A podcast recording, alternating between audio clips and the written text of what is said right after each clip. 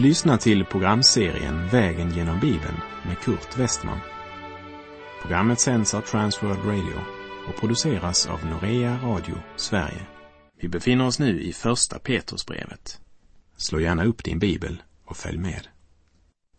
Vi avslutade förra programmet med aposteln Petrus förmaning. Mina älskade, var inte förvånade över den eld som ni måste genomgå till er prövning, som om det hände er något oväntat. Och så fortsätter han i Petrus första brev kapitel 4, vers 13.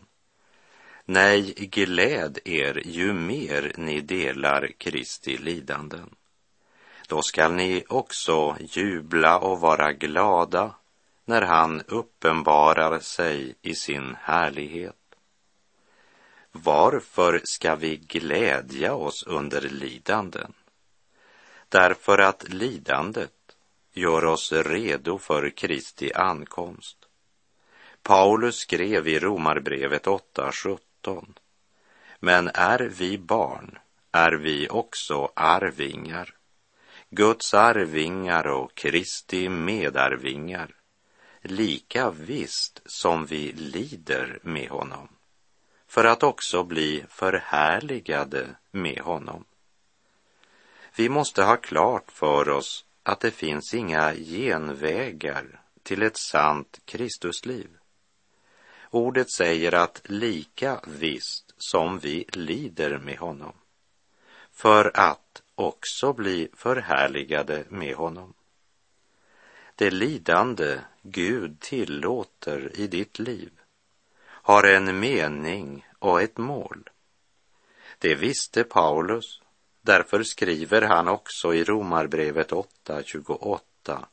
Vi vet att för dem som älskar Gud samverkar alltid det bästa. Varje prövning och smärta ska få sin förklaring en dag. Och Guds ord gör det klart för oss att smärta och lidande är en del av lärjungaskapets konsekvenser.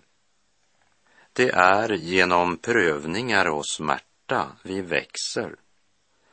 Det talas så mycket idag om att Gud ska ta bort alla smärtor och alla prövningar och göra livet lätt och behagligt som om Gud skulle vara en kypare vars uppgift är att servera oss allt vad vi i vår kötsliga längtan önskar oss. Också det kristna hemmet drabbas av smärta. En trofast Herrens tjänare som nu är hemma hos Herren berättade om smärtan och tårarna när deras förstfödde dog.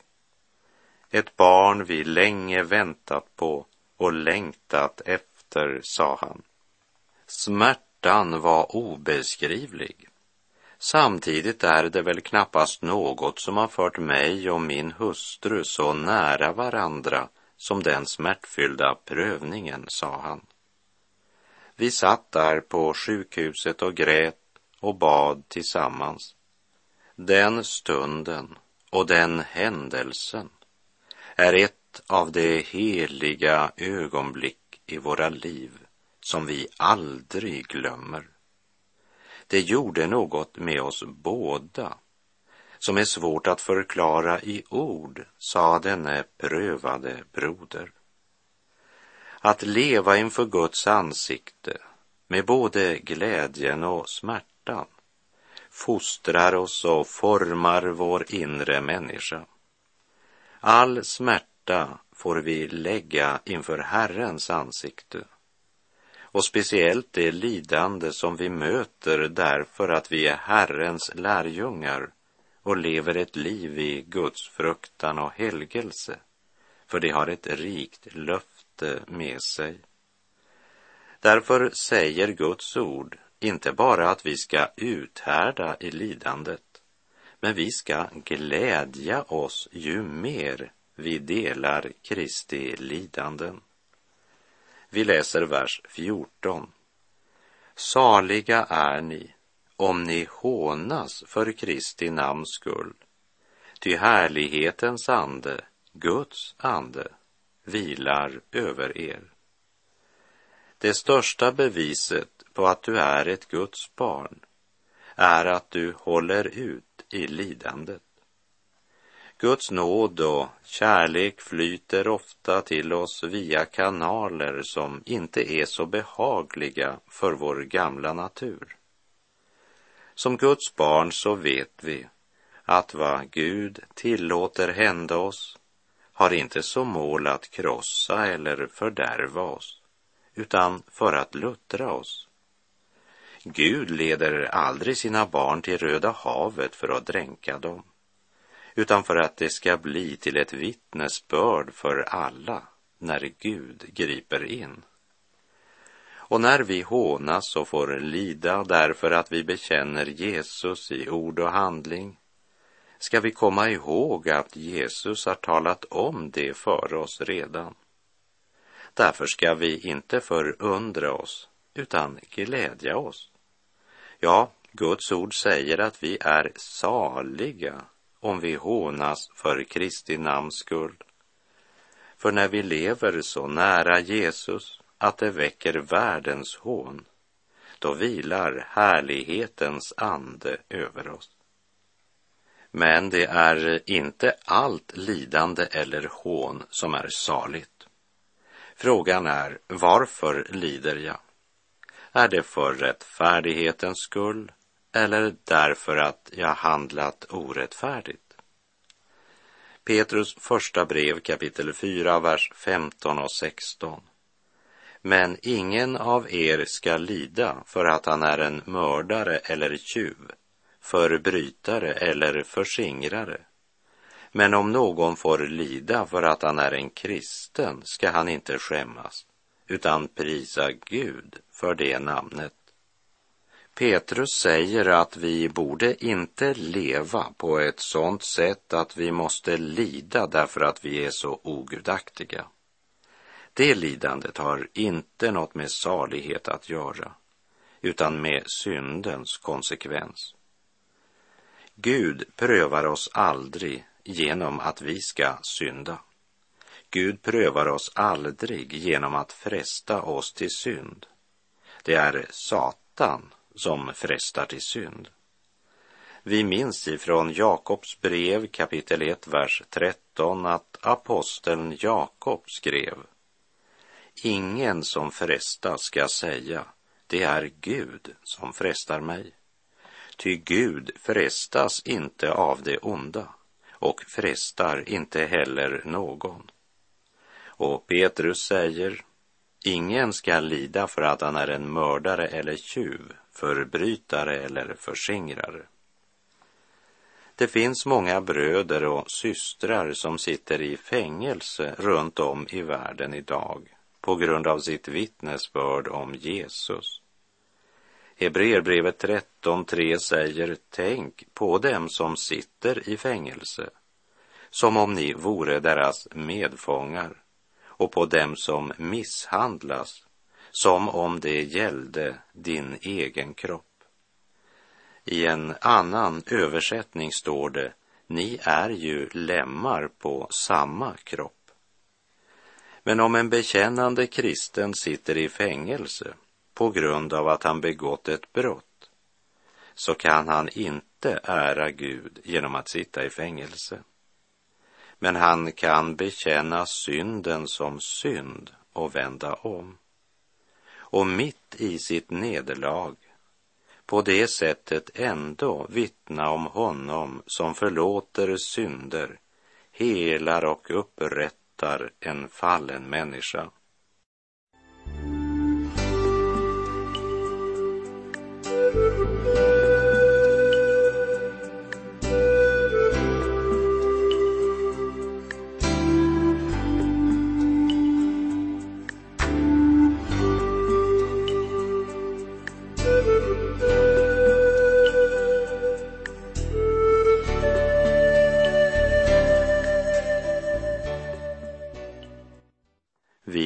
Läser i Petrus första brev kapitel 4, vers 17.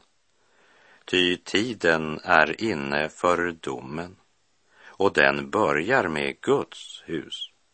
Men om den börjar med oss, vad ska då slutet bli för dem som inte lyder Guds evangelium? Att domen börjar i Guds församling, det talar redan profeterna i Gamla testamentet om, till exempel Jeremia, Hesekiel, Sakarja. Men domen över Guds församling har som mål att fostra och tukta dem till rening, helgelse och förnyelse. Grenarna rensas för att de ska bära mer frukt. I Johannes 15, vers 2 säger Jesus Varje gren i mig som inte bär frukt skär han bort och varje gren som bär frukt rensar han för att den ska bära mer frukt. Samtidigt säger oss Petrus första brev kapitel 4, vers 17 att Gud ser inte mellan fingrarna med synd bara för att den sker i församlingen. Att ha mottagit Guds nåd betyder inte att vi har rätt att synda. Och Gud förväntar mera av det folk som har fått del i evangeliets ljus och bekänner sig till hans namn.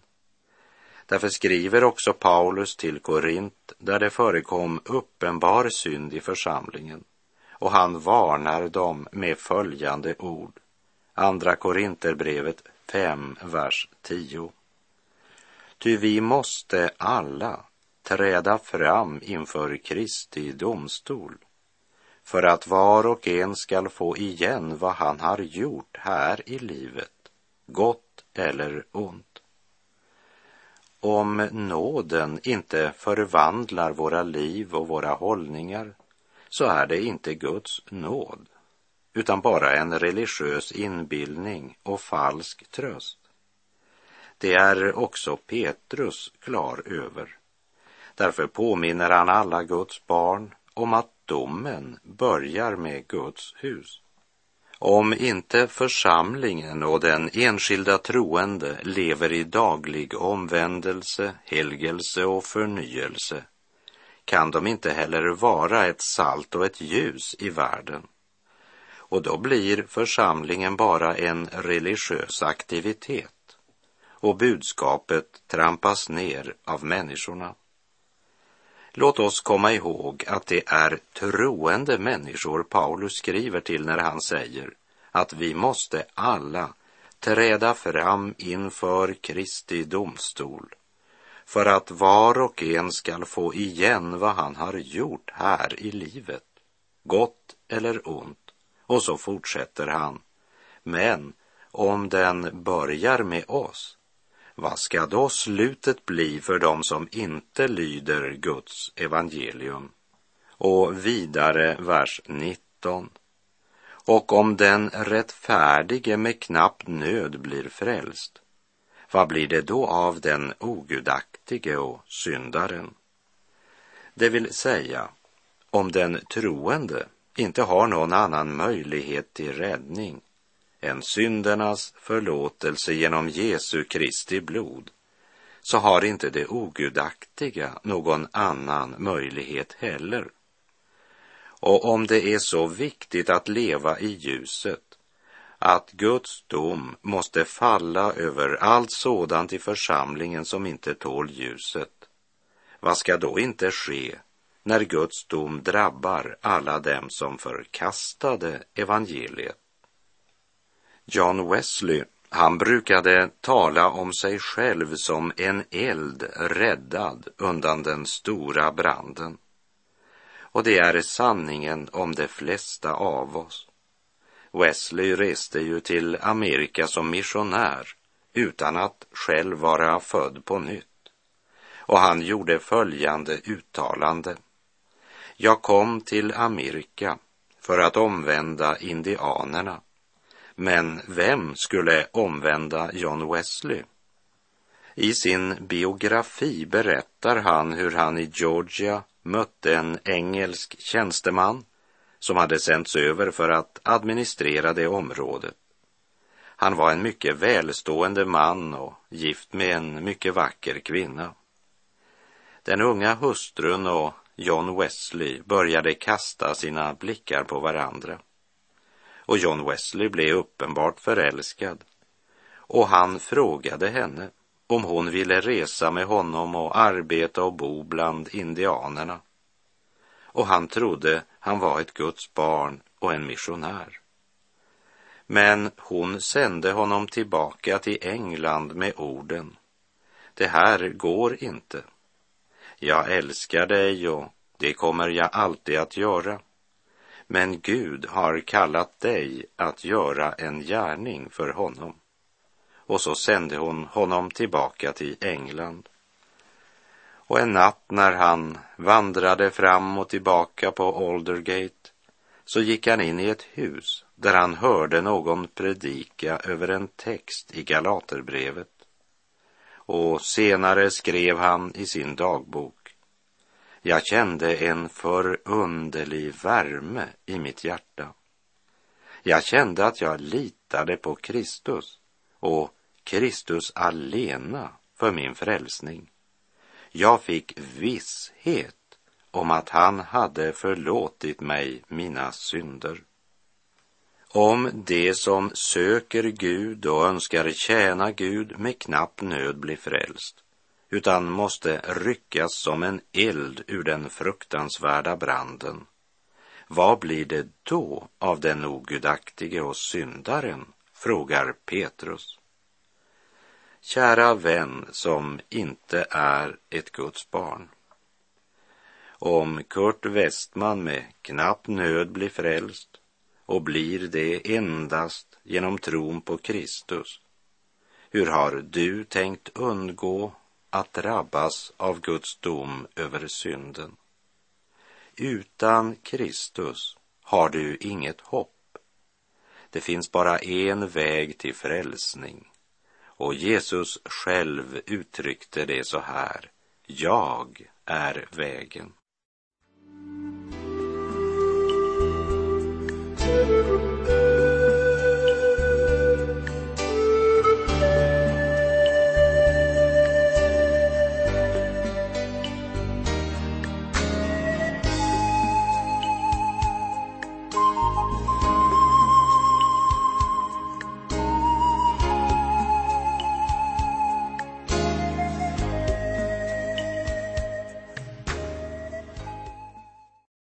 Vi har kommit till den sista versen i Petrus första brev kapitel 4.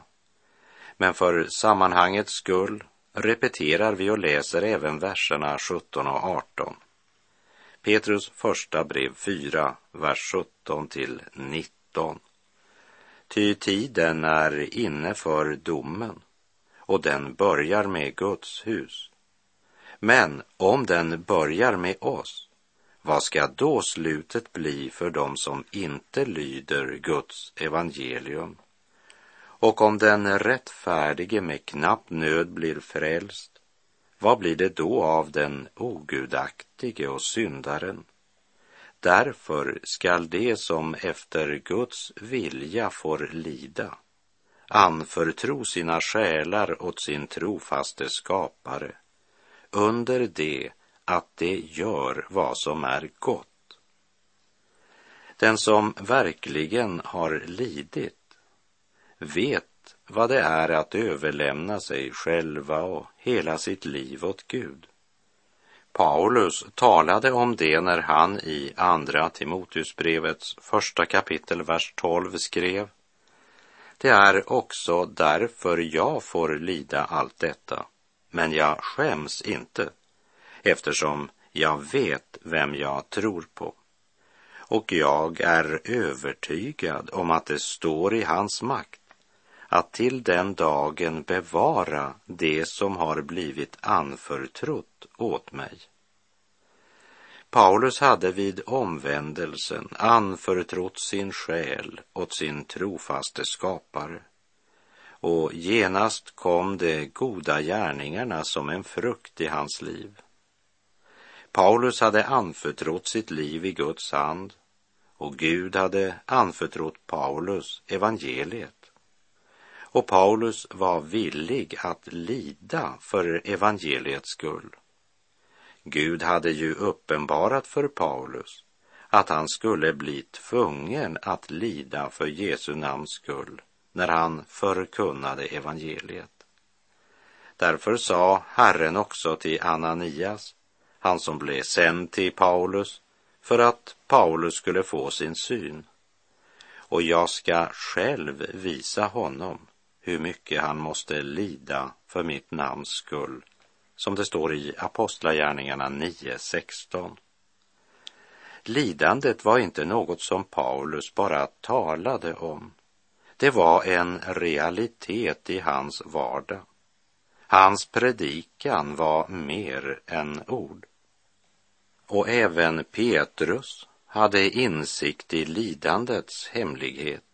Därför säger han, därför skall de som efter Guds vilja får lida anförtro sina själar åt sin trofaste skapare under det att de gör vad som är gott. Det handlar djupast sett om att inte rikta blicken mot det synliga utan mot det osynliga. Ty det synliga är förgängligt men det osynliga är evigt. Som det står i Andra Korinterbrevet 4.18. Bengel har sagt att lidandets och korsets hemlighet är större än vi kan förstå. Den är över allt förstånd och dess frukt sträcker sig in i evigheten.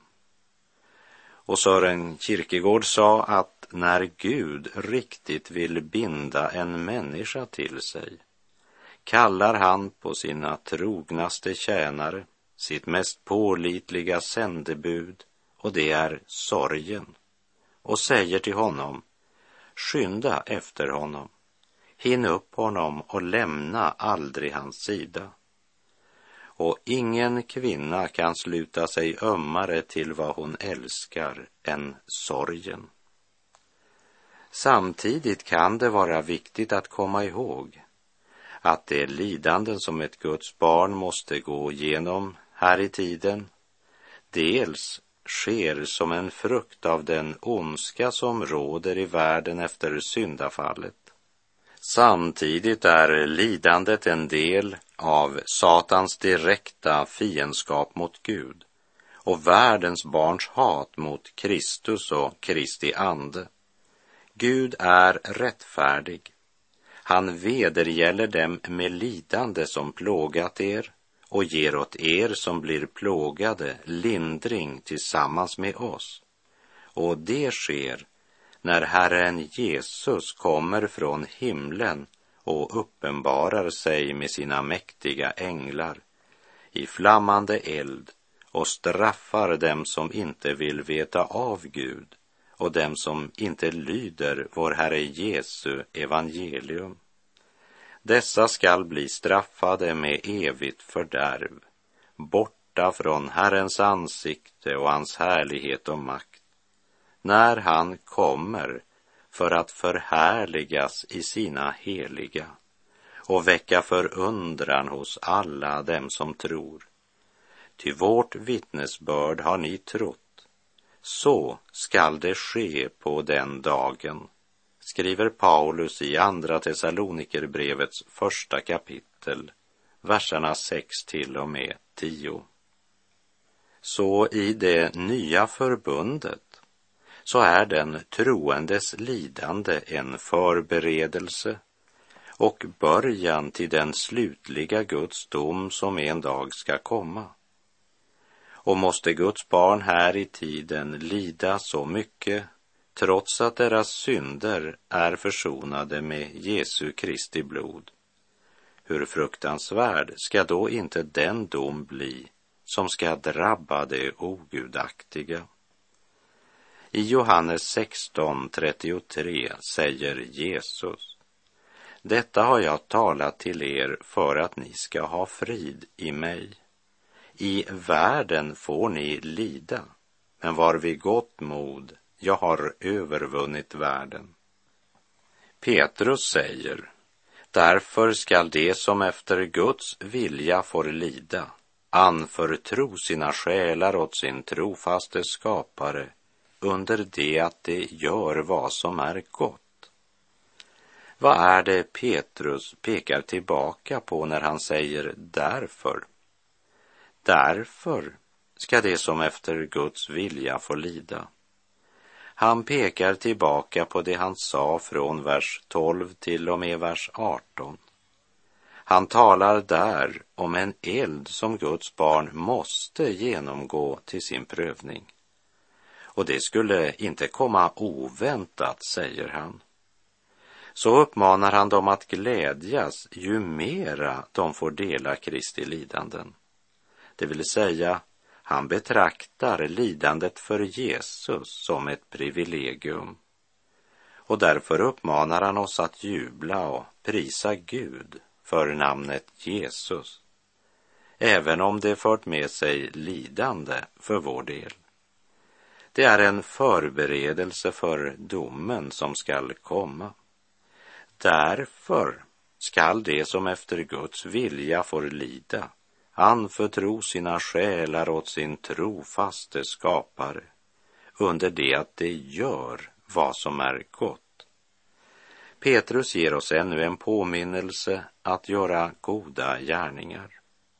När lidandet kommer ska vi anförtro våra själar åt vår skapare under det att vi gör goda gärningar. Gör det lilla du kan och se icke därpå att så lite, så ringa det är. Ty hur skulle du då väl med lust kunna gå dit din mästare sänder dig här? Gör det lilla du kan, lägg ditt hjärta däri, gör det allt för din frälsare blott. Och var viss att han skall icke döma som vi, blir det fråga om stort eller smått. Gör det lilla du kan och besinna att Gud hos oss alla blott trohet vill se och så gläds att få gå som hans ringaste bud och att själv han all hjälp dig vill ge. O, vad fröjd om en dag han och säger till dig, vad du gjorde, det gjorde du mig. Och med det så är vår tid ute för den här gången. Herren vare med dig. Må hans välsignelse vila över dig. Därför ska de som efter Guds vilja får lida anförtro sina själar åt sin trofaste skapare under det att de gör vad som är gott. Gud är god.